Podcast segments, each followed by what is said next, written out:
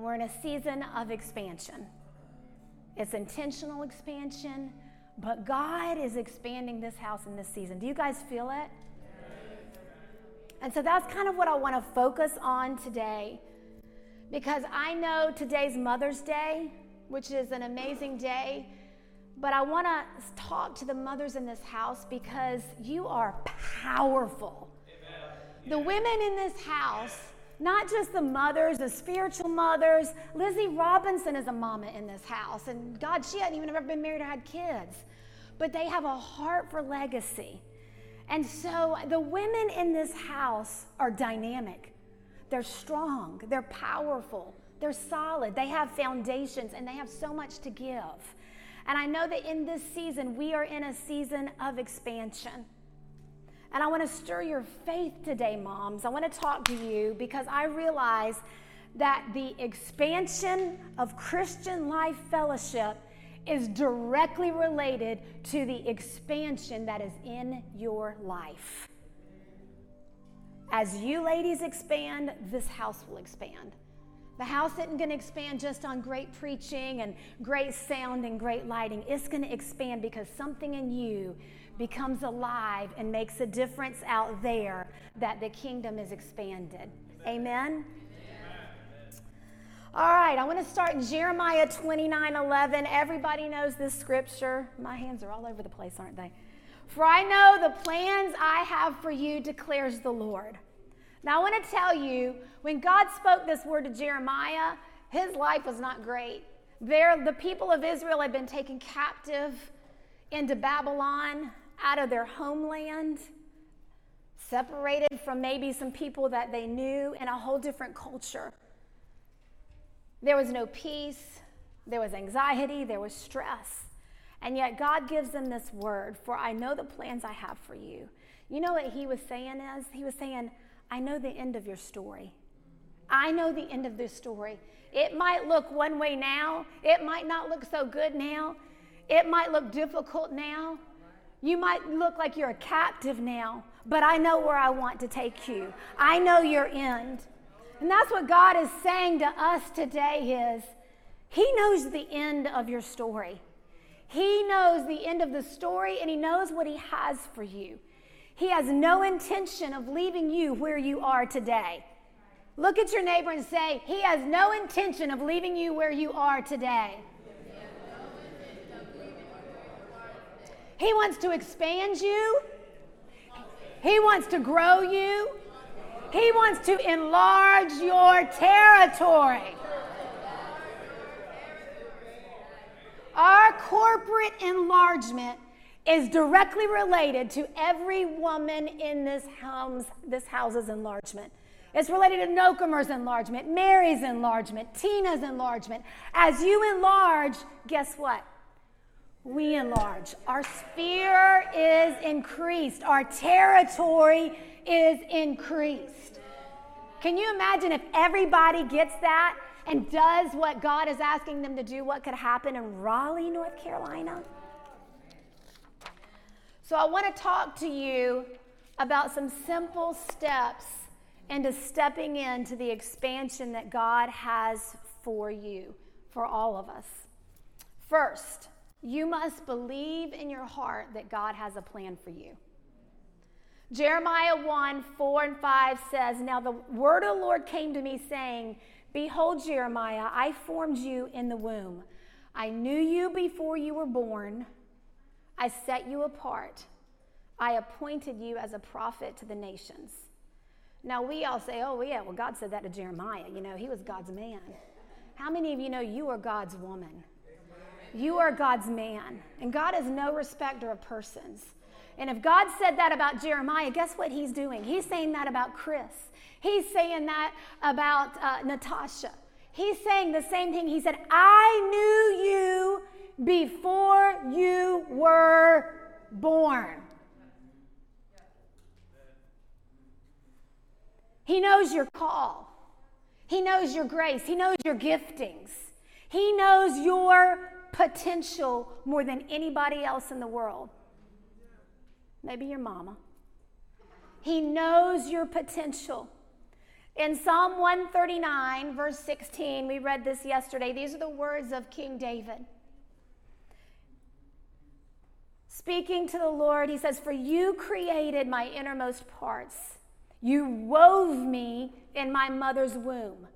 I will give thanks to you because I am awesomely and wonderfully made. Look at your neighbor and say, I am awesomely and wonderfully made.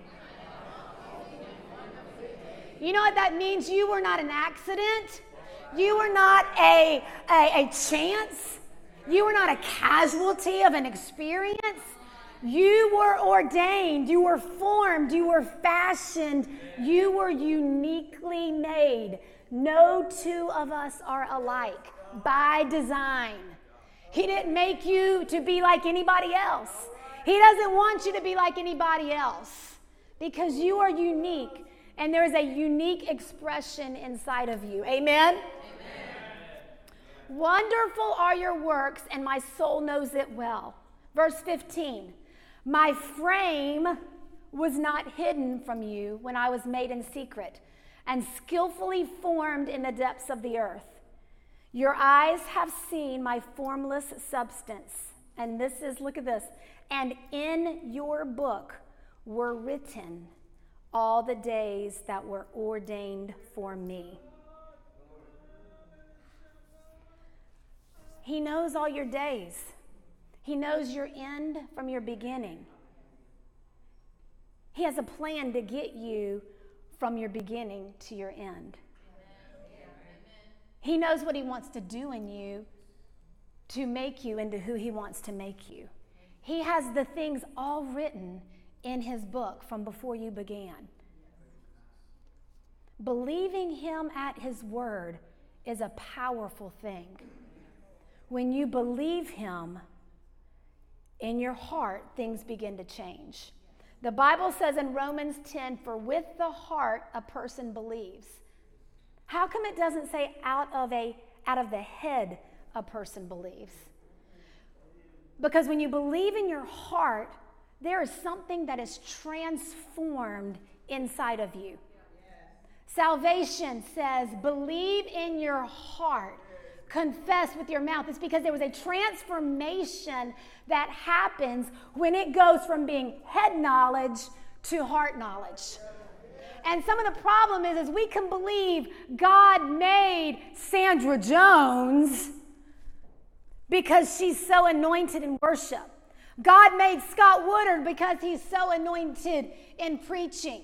Maybe God made Jessica and has a plan for Jessica because she's done great things with the food pantry. But me? Me? And so we can believe it for everybody else, but we have a real hard time believing God, you really mean you have a plan for me? You have something uniquely destined for my life? You have prepared me to do exploits in your name? Me? And so there's something that happens when you choose to take God's word and actually believe it. And not just let it pass from one ear through the other. And not let it just apply to everybody else except for you. It's like there's an ownership in it, there's a responsibility in it, there's a conviction in it when I believe, God, there is something that you have called me to do. And it's above anything I'm doing now. It's above being married. It's above raising kids. What is it that you have for me to apprehend? What did you apprehend me for? In Proverbs 27 19, says, As in water, a face reflects the face. So when you look in water, what do you see? You see your, your image, you see your face. It says, So the heart of a person reflects the person. So when I truly believe in my heart what he says about me, everything changes. Everything changes. My mindsets change. I see things differently my perspectives change, my interactions become intentional, and my focus changes. Everything changes. And it's because everything externally is affected by everything internally. Don't you wonder why God says, guard your heart? Out of it flow the issues of life. You can tell where somebody is by what's coming out of the heart. And so, if anything today, if you don't get anything else, I want you to get that God has a plan for you. He wants to expand you, He wants to enlarge your territory. You have a voice, you have a ministry, and everybody around you can believe it. But until you believe it, will you begin to step into what He has for you? Because with believing comes permission. So let's dive in and take a closer look about the things that change in me when I really do believe it. Okay? First of all, mindsets.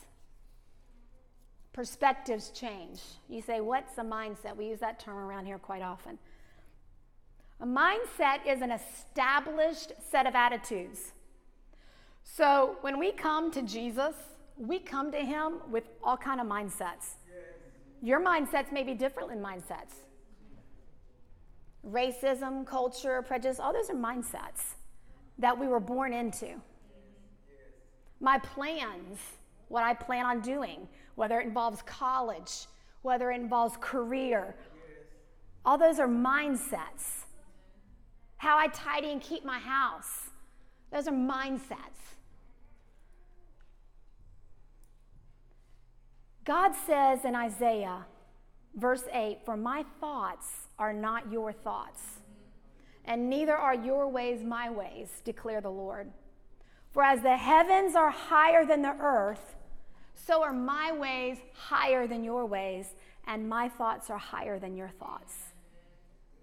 And so what happens is, as God views things, the earth, God views us, God views our daily routine, the mundane daily routine. He views that very differently and from a much higher perspective than how we view it from. Let me give you an example. We all work 40 hours a week doing something. You're either watching children as a stay at home mom or you're in the workplace, but you're somewhere. Many of us, it's more than 40 hours. The mindset of many is, well, I'm going and I'm doing my punch card. I'm doing my duty because my family needs food. So that's how I get money to, to supply the needs of my family. Can I tell you, God ain't about wasting your 50 hours a week to just punch a card. That's a mindset. So when you understand the intentionality of God in expanding you and growing you and enlarging your sphere, you understand your job is not just a happen chance. Your job is an assignment. It's a university. It's a schooling of the Holy Spirit. So some of us are on the job and we're learning how to grow fruit because we snap and we get edgy and God's wanting to grow the fruit of the Spirit in us. And He's using your job to do it. It's not wasted time. Now you can waste your time, but God's not wanting to waste your time. Some of it, God's wanting to really grow your faith in the supernatural and begin to pray for people who have needs and to begin to see signs and wonders manifest on your job, not waiting for Sunday for the elders to pray for people at the church. Some of us, it's learning how to witness and being able to open up our lives to the person sitting at the next desk and being transparent, asking them real questions, and really caring because we represent a relationship and not a religion, right?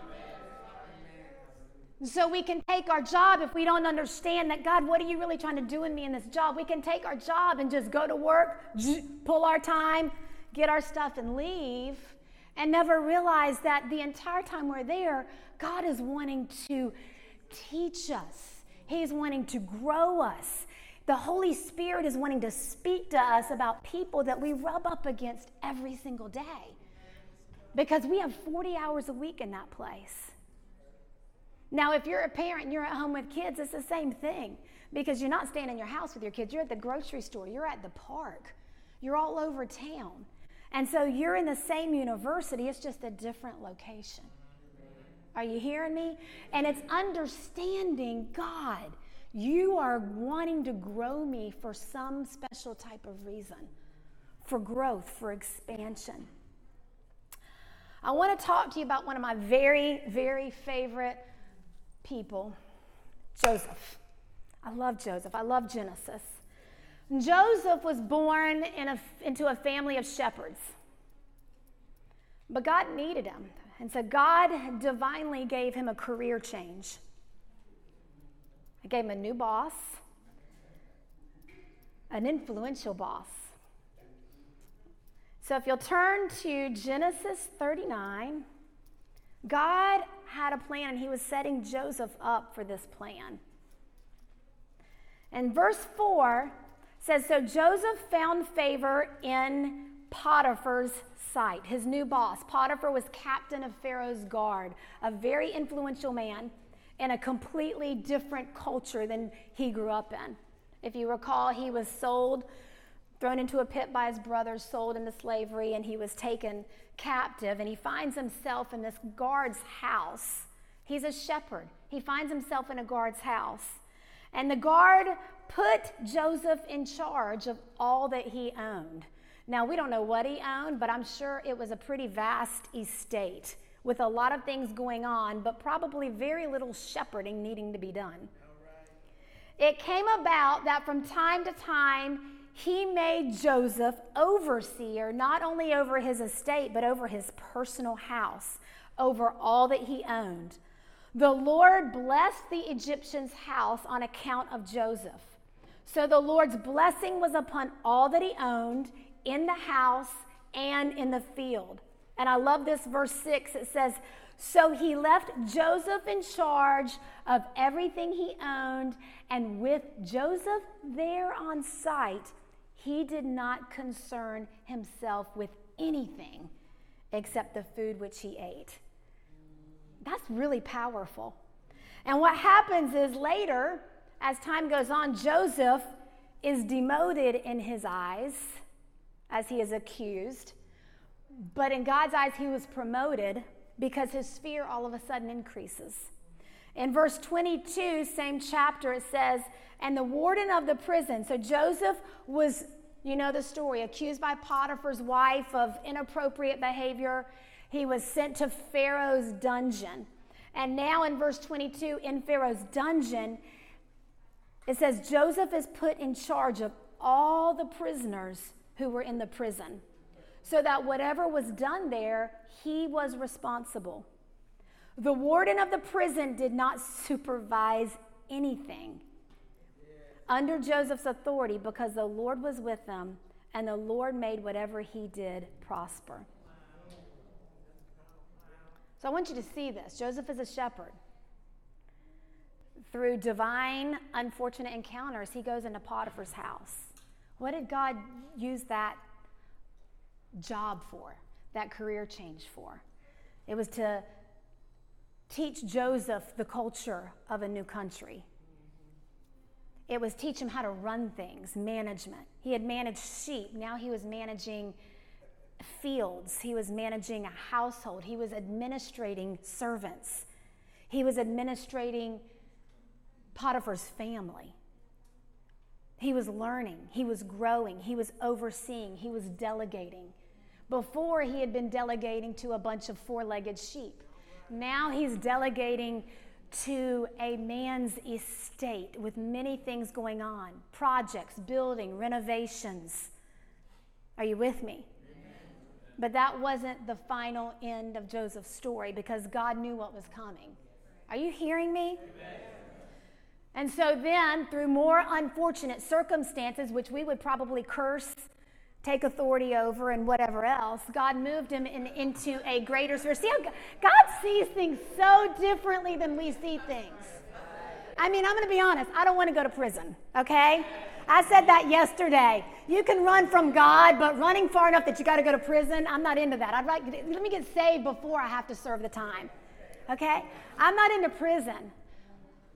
But God saw the prison and it had a purpose. And so many, many of us, when our mindsets are not where his mindset is. We can't see where he has us because we're grumbling, we're complaining about all the horrible things going on around us, the horrible circumstances, the inconvenient circumstances. It's hot, there's no air conditioning, the bed is horrible. These people are bullying me. Okay? But yet God saw that and he expanded them. So now he's ruling over all these prison inmates, the entire, the entire prison that belonged to Pharaoh, who was over the nation of Egypt time. And under Joseph's authority, it ran smoothly, without a hitch. Boy, Angel Woodard would have loved him. We need him for our conferences. He created order for it so they didn't even have to concern themselves with it. And we don't realize how vast that is, but that's getting food to all those prisoners, that's getting things cooked. That's a lot going on if you stop and think about what that means to oversee an entire business like that. So if you look at where you are today and the environment that you're in, whether it's in a business, whether it's teaching at Christian Life Academy, whether it's volunteering, you always, when you believe God has something for you, you always look at it and say, okay, God, what are you doing in me in this location? And if you get so distracted about everything around you and you forget that He's growing you, maybe He's growing you to become a leader in that location. What is it that you need to grab a hold of to develop your leadership skills? Maybe he's trying to grow your communication skills because he wants to put you in front of people to speak. Everybody's unique. But your mind, when you really believe God wants to enlarge you, your mind is always looking for those places to be enlarged. And if you waste your time, this is my biggest fear in life. I always tell my husband, don't make me go around that mountain three times. Sometimes those mountains aren't easy. And I'm like, God, I want to get what you want me to get because I don't want to go around here again. It's not fun. So if there's things that you're after, get it out. If there's things that I got to get in faith, let me get it. Let me take it on. You're never going to feel prepared. You're never going to feel ready. It's like when I was moving all those college kids in my house, I was not much older than they were. It meant more food, it meant more money. But you know what? I had to trust God in that. And there's some things you're just going to have to take a step of faith in and say, I don't have the time. I don't have the resources.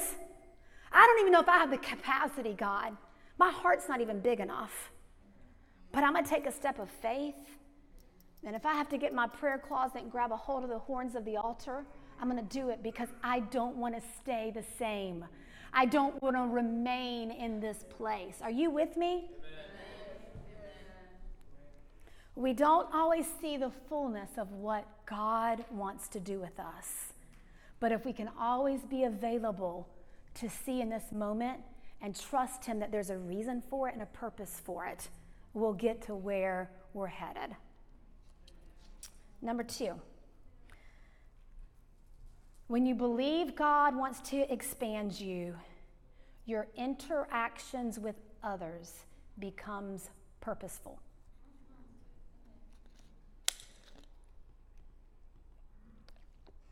So when I'm with people, I'm not just sitting around talking about shallow stuff, the weather. It's like I realize my time is short. My conversations are intentional. That doesn't mean you don't have fun, but you're aware of time and you're aware of what you are responsible for. So there's different people that you need to be intentional with. First type, I'm aware of my sphere of influence. Do you know right now, sitting here, who God has called you to influence? Who are, who are your, I'm going to call them a God assignment, people God's put on your heart that you know that I am to shape them, I am to help them, I am to um, speak into their life, help shape identity encourage them, help them get into a new day. You should know who those people are. Jesus had his 12, but he had his three. Who are your three? And those people change in different seasons, but you need to know who those people are because when you understand your place and your growth, part of that is developing them. Are you hearing me? The people I pour into, they get something out of it, but you know who gets most out of it? Me. I become better at it. How did Paul become a wise and master builder? He built, he built, he built.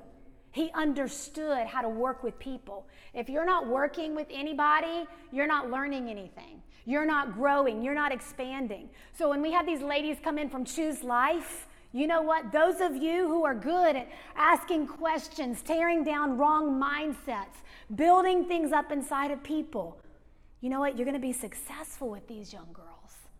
Are you hearing me? And so there's, there's the necessity of you knowing who am I to be pouring into? And am I, out of conviction, taking my responsibility in doing that? Because that's a part of leadership, it's a part of your growth. You can do all kind of cleaning and, and, and hands-on stuff, but there's something about learning how to make a disciple and pouring your life into somebody that changes you. It transforms you. Second thing, you need to know who you are walking with. This is imperative. You need to know who your life is submitted to. If, it's, if, if you're married, husbands to wives, wives to husbands, you're submitted. But you also have those close people that you're submitting your life to. Let me tell you why. It's not just because you have all these problems, although we always have problems we're working through, but it's to keep you clear. The dialogue and the conversation is essential. A man unto himself is going to come up with some crazy thoughts. And so when you have that person to process with, to dialogue with, all of a sudden you see clearly. All of a sudden you hear God because you're communing and the Holy Spirit is communing with you. And you get vision. And so you need to know not only who you're pouring into, but who you are walking with that is pouring into you. You're three. Who are they? Can you name them? Do you know who they are right now? If you don't, I challenge you for both groups this week, homework. Who are those people in my life, God? Because for me to grow, for my sphere to enlarge, I have to know who those two groups of people are. It's very important.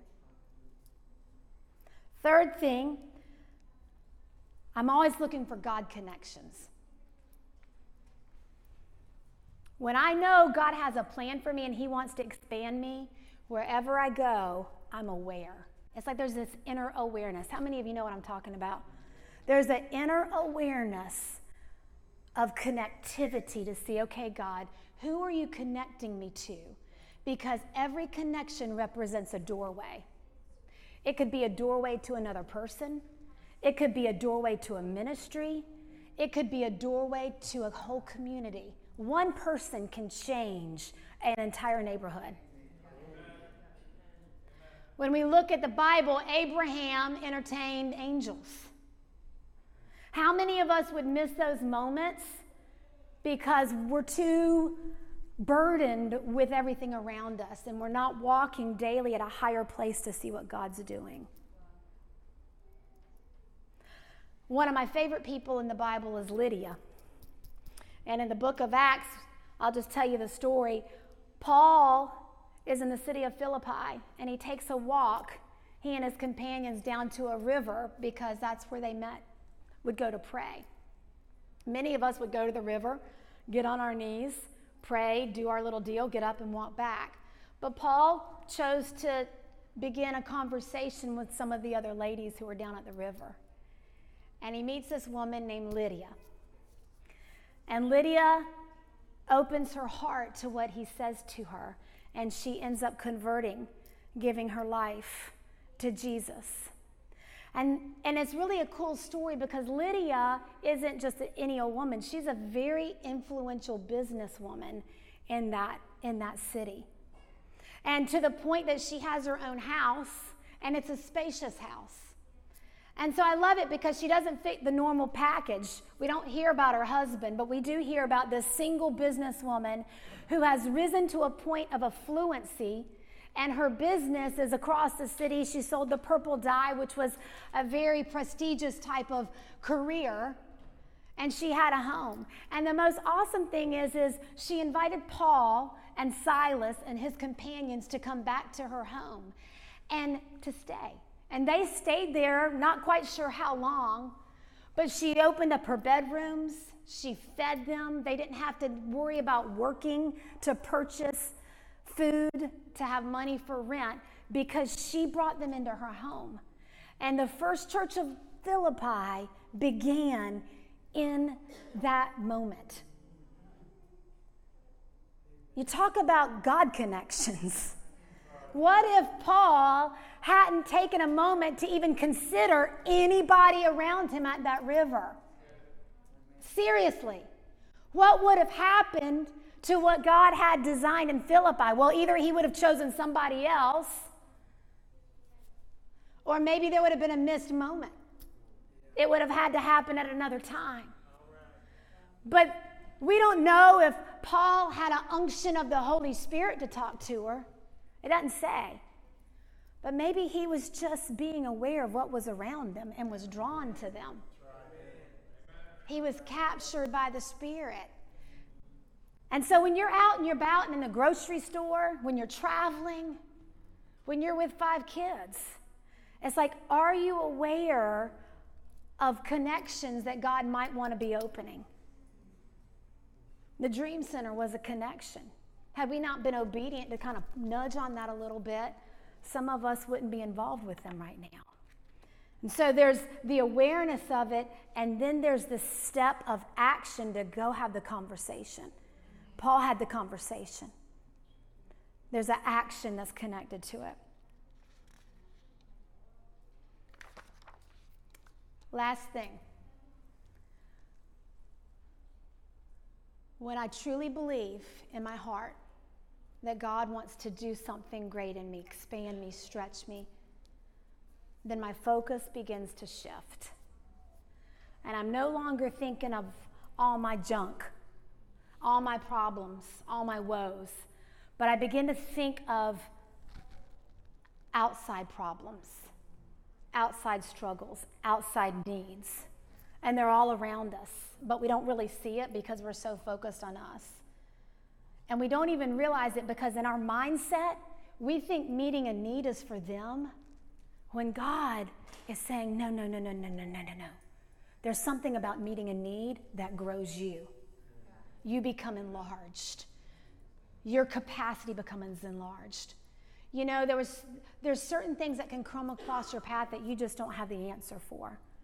I really love the guy at the Dream Center when he was saying, you know, I, what, what, what drove him to start a ministry to the homeless was when a woman came to him and said, I have nowhere to go tonight. And he didn't have any answers. He couldn't take her home because he didn't know her. All he could do was put her in a hotel room.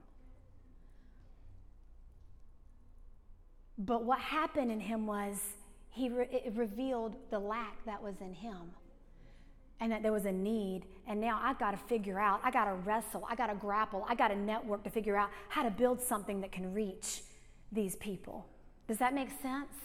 And so you begin looking at problems, and instead of them just remaining problems, you know what? When God wants to expand you, you begin to become the solution.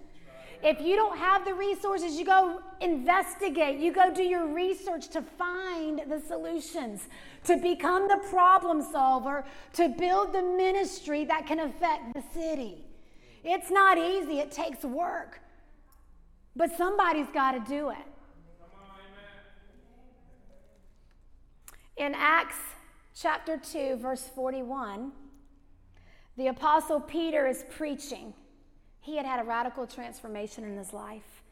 And he's preaching on the day of Pentecost. And Peter, who has been through the trial of his life when he denied Jesus, preaches an incredibly powerful sermon. And in verse 41, we are told that after he preaches, who knows how many got saved? 3,000 people got saved.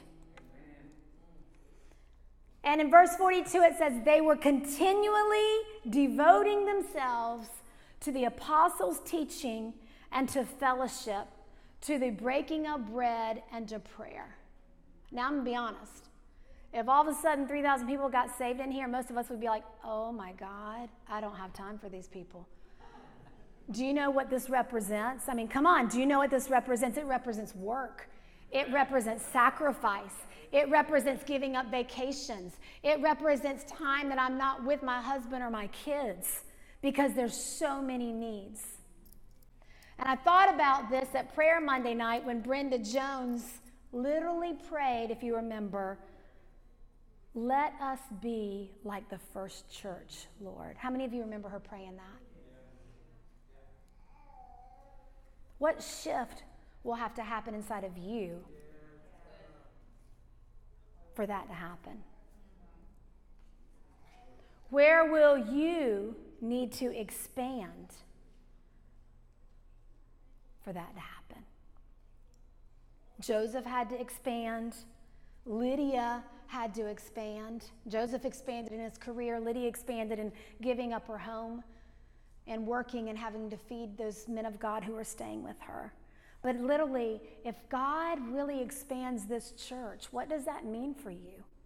We say it very easily, but I think the weight of it is a reality in this season. And if you don't believe in your heart that in the expansion of the house that there is expansion for you, then you will miss your opportunity to become what God wants you to become. Because when 3,000 people came, how many of you know that men and women who had been there rose up and became leaders and influencers of those new 3,000 people? You had life groups established you had administration established. And so all this grace that didn't necessarily have a place beforehand was all of a sudden being called on because there was such great need. And many people probably thought, I don't know if I can do this. And God said, You know what? My grace is sufficient. You just take a step, and I'll give you the next step. I love it when Jethro came to Moses and he says, Why are you doing so much by yourself? And he says, You need to have judges that come and take groups of 10 and they're judging them and solving their problems. And then some of over groups of 100 and some of over groups of 1,000. And it's like, you know what? When you're faithful with that 10, guess what happens? God gives you a 100. And when you're faithful with the 100, God gives you a 1,000. Because God is wanting to expand your territory, to expand who hears your voice, to expand who receives your wisdom, to expand your capacity, to make you a mother in this city, to make you a mother in the region, and for some of you, mothers in this and in other nations, because your influence is expanding. Are you hearing me? That's what God wants to do through you, ladies. I want to end with something that I have gleaned from over the years. It's a prophetic word that was given by Steve Thomas at one of our C2C um, pastors gathering a couple years ago. And it has stayed with me. I feel like it's one of those words, you know, when God says something and sometimes it takes like 10 and 15 years to really like see it worked through. I feel like it's one of those words, but I feel like we're, we're kind of like at the precipice of it. And I just wanted to share it with you, and then Paul can come up. Here it is God wants to say that there are yokes he wants to break off of our necks at this time. God is saying there are curses that you have carried in the past curses of your church history, curses of relational fractures, curses of sterility, of barrenness, of failure to grow curses of smallness, curses of small church syndrome, even pastoral failure. But these are not forever. For when you grow restless, you will throw this yoke from off your neck. God wants His family to grow restless and throw the yoke off of your neck. There are situations where God wants you to say, I've had enough of this curse. This is not a time to blame others. It's not a time to blame circumstances. It's not a time to lament past failures, but to say simply, I've had enough of this. It's time to break the yoke in our own heart and in our own thinking. Smallness is an infliction of the heart, first and foremost. I'm going to read that again. Smallness is an affliction of the heart, first and foremost.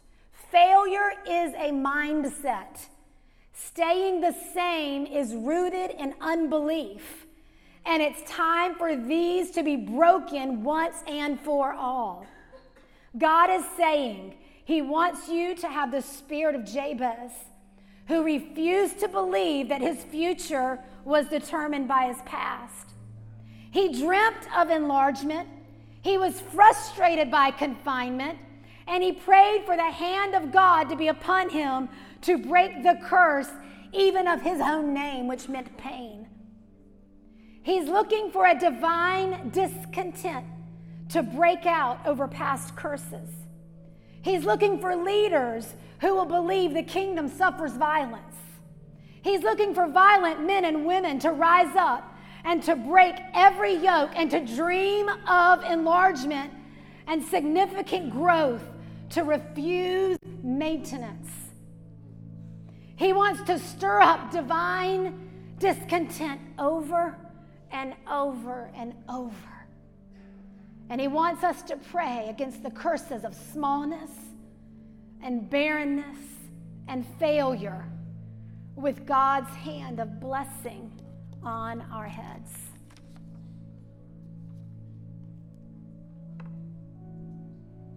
Holy Spirit, we just invite you.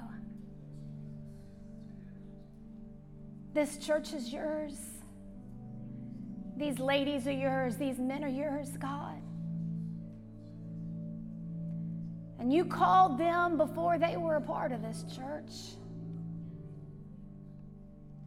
You called them by name from their mother's womb, each and every one of them.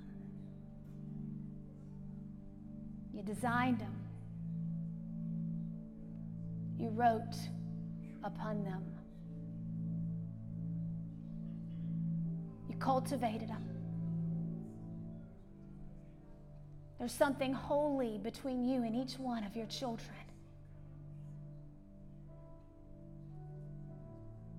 There's something of destiny written upon each of their lives. For some, that destiny is in this city, and for others, that destiny might take them to the nations. But God is a holy thing. God, your call is holy. Your destiny is holy. Who we are in you is holy. It is no accident, it is no happen chance. Even that we're hearing this today, God, to remind us, Father, of what you have in store, of what you want to do.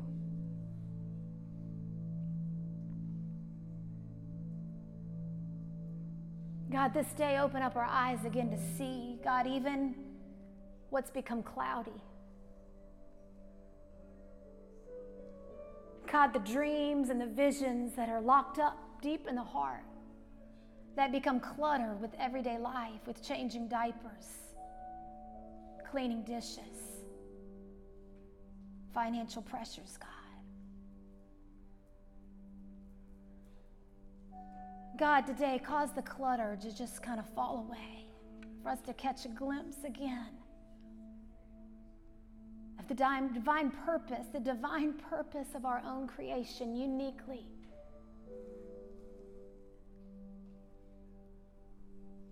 God, uniquely. Lord, we just welcome you today to come and to inhabit our thoughts, our hearts. God, where we have gotten busy and distracted and forgotten the real purpose of why we're in this earth, God. God, let us again see it and the holiness of it and the conviction of it and the responsibility that rests on us uniquely because it's different for every individual.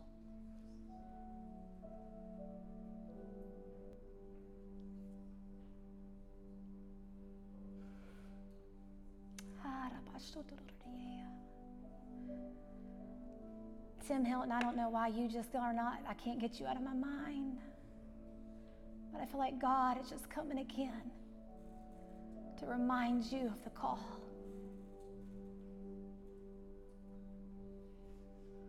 That's uniquely yours that you were made for.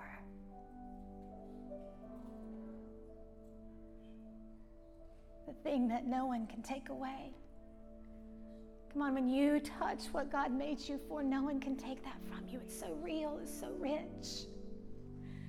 It's more real than anything around you, what He created you to be. So, Lord, we thank you for the reminder this day that we would step into it, that we would be aware of every circumstance in our life is divine, it's not happen chance. But God, that you would show us why we are where we are and what you want to do in us. That, like Joseph, we can run our race and reach our destiny. God, let us not take lightly our surroundings, our processes, our assignments, but let us see the growth of God that you want to do in us, that we would run to the end and not leave anything undone that you've called us to do.